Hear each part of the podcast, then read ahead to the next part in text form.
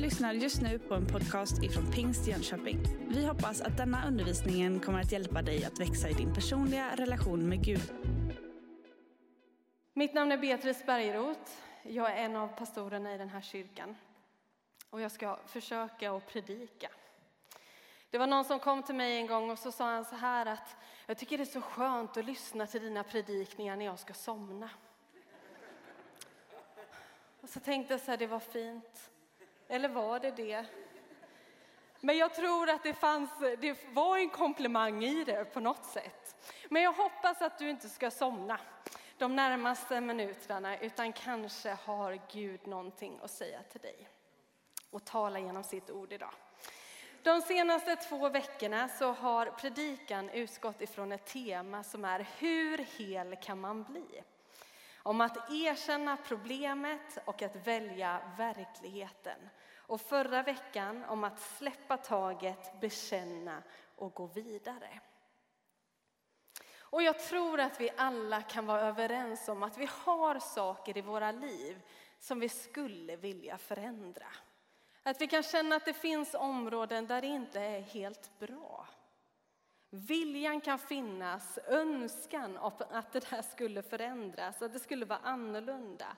I mitt humör, i mina vanor, i mina attityder, i mina beroenden, i mina relationer eller annat. Och vi kan också ha gjort försök på att, för att förändras. Och kanske har vi också misslyckats. Kanske till den grad att vi nästan är villiga att ge upp hoppet om förändring.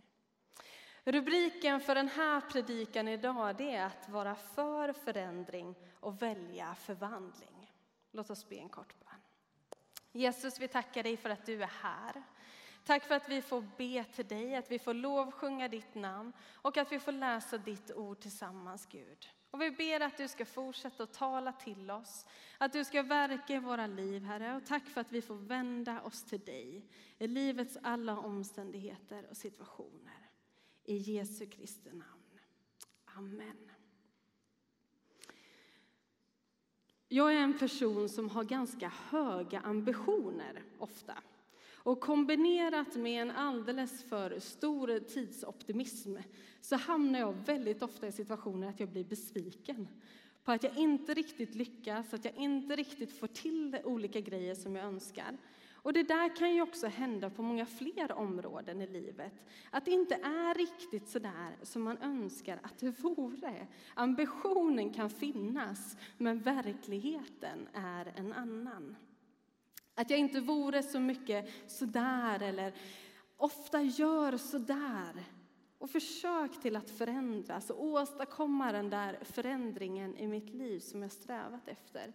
För visst kan det vara svårt att faktiskt åstadkomma riktig och långsiktig förändring i våra liv så att det blir en märkbar skillnad. Men varför är det så? Varför har vi så svårt med det? Ja, men två saker som kanske kan påverka detta. Det är ju sällan som en, en vana eller ett beteende uppstår över en natt. Ofta är det ju någonting som har funnits i vårt liv under lång tid och nästan så att det kan ha blivit en del av oss själva.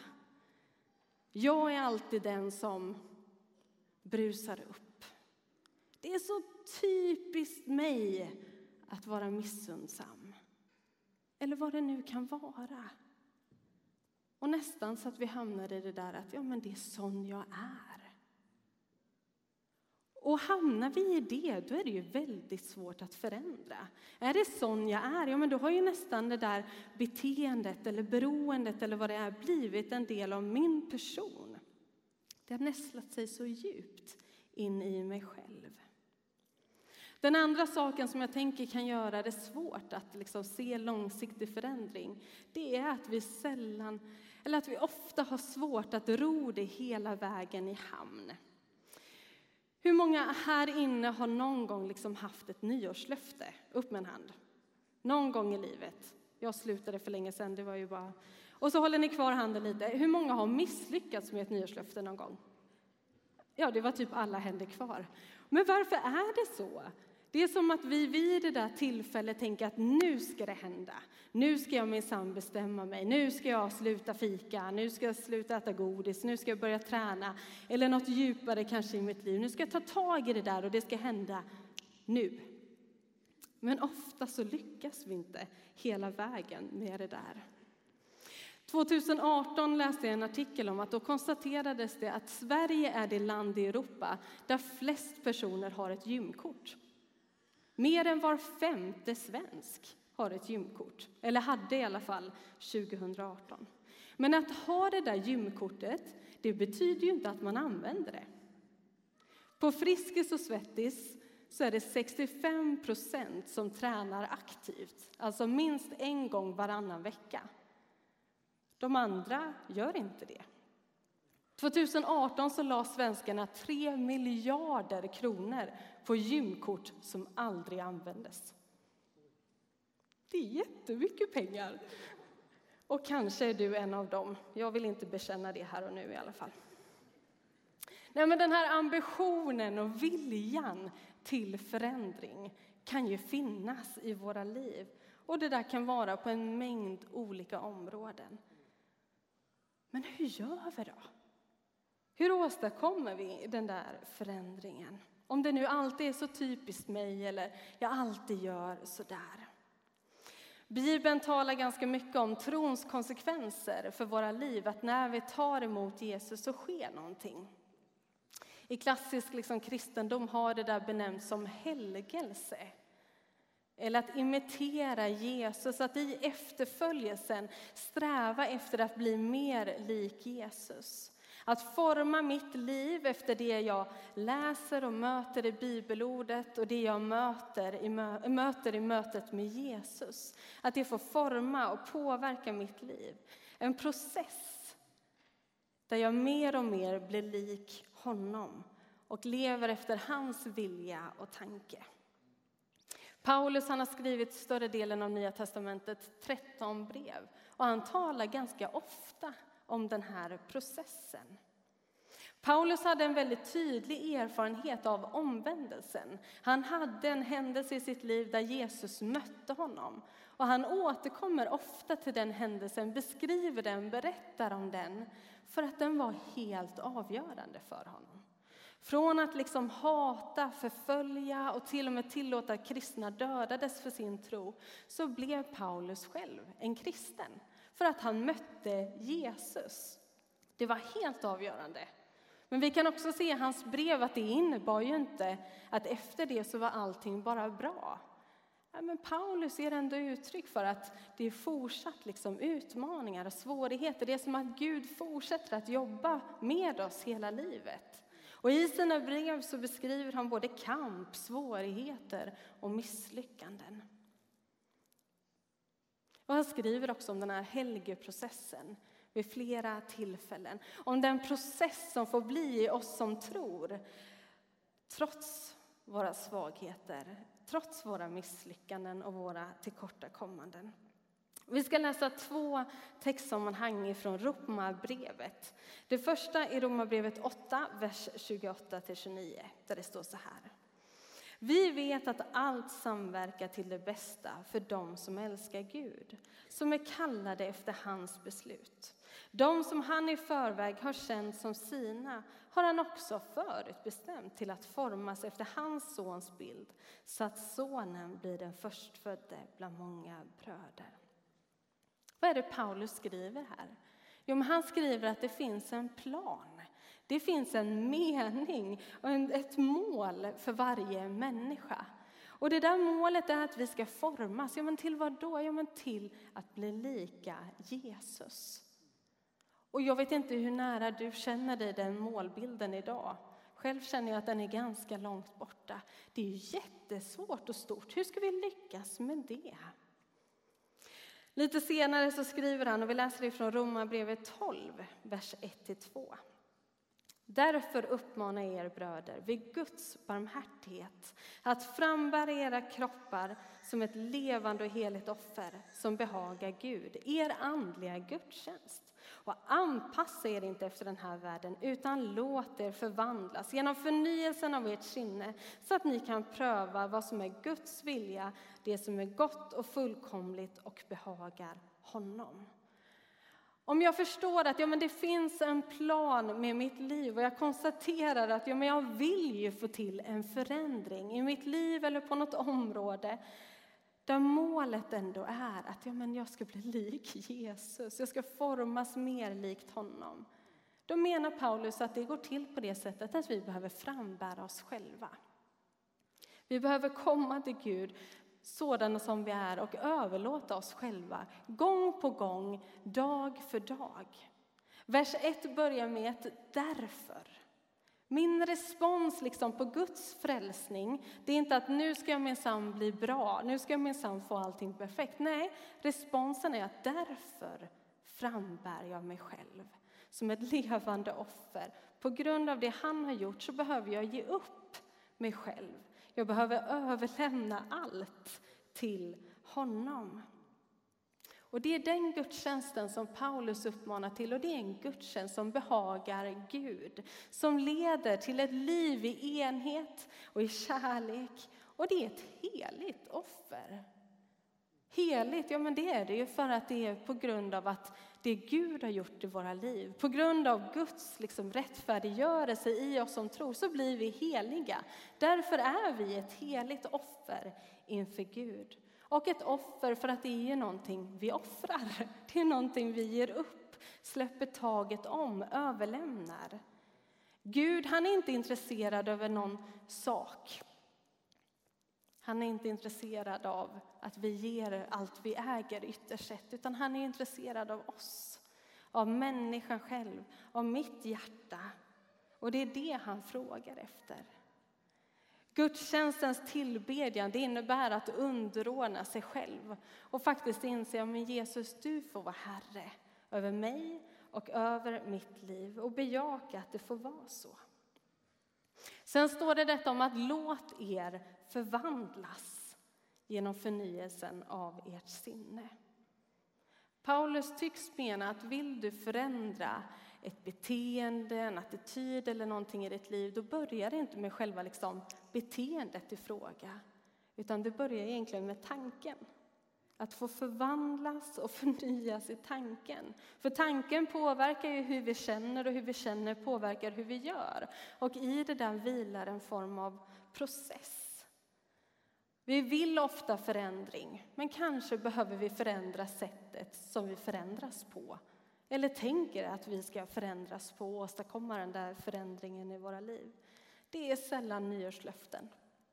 Eller liksom kortsiktiga beslut och resultat om hur det ska ske och när det ska ske som faktiskt åstadkommer en långsiktig förändring i våra liv.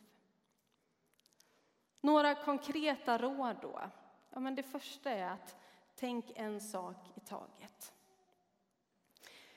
tänker att man kan nästan se oss människor som någon form av renoveringsobjekt. Jag vet inte hur nära bekant den bilden är för dig. Men att det liksom finns saker i våra liv som troligtvis funkar. Men så kan det också finnas saker som inte funkar, som är dysfunktionella eller till och med trasiga, som skulle behöva renoveras. Och för att liksom bli hela igen på något sätt. Och tar du dig an ett renoveringsobjekt, då blir du ganska snart trött. Speciellt om du ska renovera alla rum samtidigt. Det är lite övermäktigt, man blir trött och man lyckas sällan lika bra som när man tar ett rum i taget på något sätt. Du behöver börja någonstans. Så min fråga till dig idag är vad är mest angeläget hos dig att börja en renoveringsprocess kring? Vad har du i ditt liv? Vilket område, vilken sak skulle du säga, men här skulle jag vilja se en förändring. Det här skulle jag behöva Guds hjälp för att se en förändring kring. Vad skulle det vara? Och vet du inte, då kan du fråga Gud. Den helige Ande är suverän på att uppenbara och visa för oss vad vi kan behöva jobba med. Men han är också väldigt trofast i att hjälpa oss att jobba med det. Så be gärna den bönen, Gud vad är det? Och när du har bestämt dig att det här ska jag jobba med, dela det med någon annan. Sätt ord på det där och berätta för någon annan. På AA-möten, som kanske de flesta av oss mer har sett på film, så säger man ju så här, hej jag heter Beatrice, jag är alkoholist. Och ni svarar? Exakt. Och det finns ju en poäng med det där, att faktiskt säga, jag är alkoholist. Att berätta att det här kämpar jag med. Markus talade om det förra veckan, att faktiskt bekänna. Att säga att det här är jobbigt för mig, det här kämpar jag med. Men det gör ju också att någon mer vet om det. Det kommer ut i ljuset, men jag kan också ta hjälp av någon annan som kan fråga hur det går eller veta att jag kämpar med det där. Någon mer vet om mitt bekymmer och den där hemligheten som kanske kan ha legat dold. Och när du har identifierat vad är det? Mitt humör, min girighet, min fallenhet för, min attityd kring och så vidare. Dela det med någon. En kristen vän du har förtroende för, någon i vårt själavårdsnätverk, en förebedjare, en av oss pastorer, en församlingsledare. Någon kan du berätta för någon, få uttrycka och sätta ord på att hej, jag heter detta. Jag kämpar med det här. Det här vill jag se en förändring kring i mitt liv. Det tredje rådet är att tänka en dag i taget. En dag i taget. Ofta vill vi att det ska hända på en gång. Gärna igår, i min värld i alla fall. Men det tar ofta ett tag. Och att det är lättare att ändå se att kan vi ta en dag i taget för att åstadkomma den där långsiktiga förändringen och förvandlingen. Att säga aldrig mer. Det sällan. Jag ska aldrig mer brusa upp. Jag ska aldrig mer skälla på mina barn. Jag ska aldrig mer. Det är lätt att vi misslyckas. Men att ta en dag i taget. Att på morgonen be Gud om hjälp. Och känns en hel dag för långt, ja men be Gud om hjälp att klara fram till frukost, klara fram till lunch. Ta en dag i taget och få be om hans hjälp. Att med det där området, den där saken som du har identifierat i ditt liv. En sak i taget, en dag i taget. Och för det fjärde, att inse att allting inte hänger på dig själv. Det handlar inte om våran styrka ytterst sett, utan kanske om det där överlåtandet, överlämnandet, att få räkna med Jesu kraft och Jesu styrka. Om vi i oss själva hade förmågan och viljan att förändra det där, då hade vi ju redan gjort det. Då hade det ju varit klart. Men vi behöver Jesus. Och som troende så är ju det så gott att få inse och få vila i att ja, men jag behöver inte klara allting själv och lösa allting själv, utan jag kan få lita på Guds hjälp i mitt liv och be om hans kraft. Och när jag inser att det här behöver jag be om förlåtelse kring, då får jag ta emot hans förlåtelse, hans barmhärtighet, hans kärlek. Tänk vilken befrielse och vilken nåd det är. Vi lever i en tid där vi vill att allting ska gå väldigt snabbt. Och jag, jag är en del av det. Jag är så fruktansvärt otålig. Jag vill gärna att det ska hända snabbt. Och så inser jag att det är därför jag får ibland problem med andlig mognad. För det verkar ta tid. Det verkar inte gå så snabbt. Det är inte fast food, utan det är någon form av slow cooking som jag aldrig ägnar mig åt för övrigt, för det tar ju sån tid. Nej, men det, är liksom, det är en långsam process i våra liv. Att, att Gud jobbar med oss och det där får ta tid och han verkar inte alltid ha så bråttom eller tycka att det ska ske på en gång. Och att lita på att han har koll på den där processen. Vi frambär oss själva och så överlåter oss själva och så får vi lita på att han gör någonting i oss. Filipperbrevet 2 och 13 så står det så här, för det är Gud som verkar i er, både vilja och gärning för att hans goda vilja ska ske. Det är Gud som verkar. Och det kanske inte sker så snabbt som jag alltid önskar. Det kanske inte alltid sker på det sättet jag önskar. Men jag får ta en sak i taget, en dag i taget och tillsammans med Jesus kunna se förvandling och förändring på riktigt. En kvinna som hette Ann-Marie hon delade delar av sin livsberättelse i en gudstjänst i en annan kyrka. Hon hade varit alkoholist, kommit med i AA och sedan i församlingen. Och jag ska läsa ett citat från hennes vittnesbörd. Hon sa så här. Varje dag ber jag till Gud att jag ska få vara nykter, vad som än händer. Och på kvällen så tackar jag Gud för att jag har fått vara nykter. Jag ber också att Gud ska befria mig från mitt egos slaveri och att hans vilja ska ske. Och det hjälper mig att leva som jag vill göra. Sen har jag också mina fel. Jag är inte perfekt.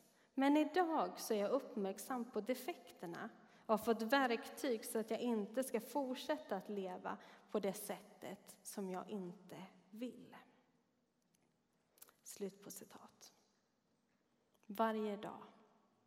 Bönen på morgonen och tacket på kvällen.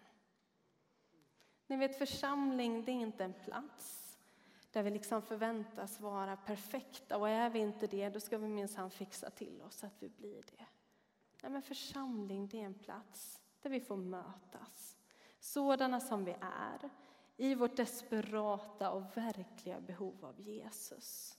Och i det får vi möta honom och möta varandra.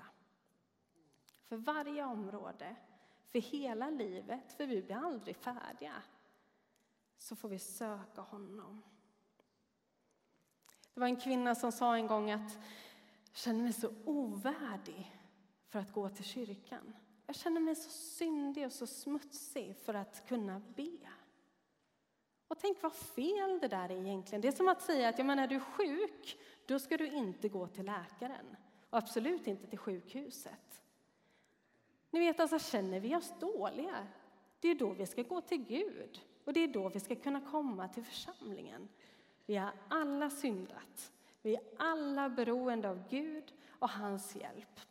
Oavsett hur vi upplever vårt renoveringsprojekt som är vårt liv på något sätt, så behöver vi Gud och vi är välkomna till honom.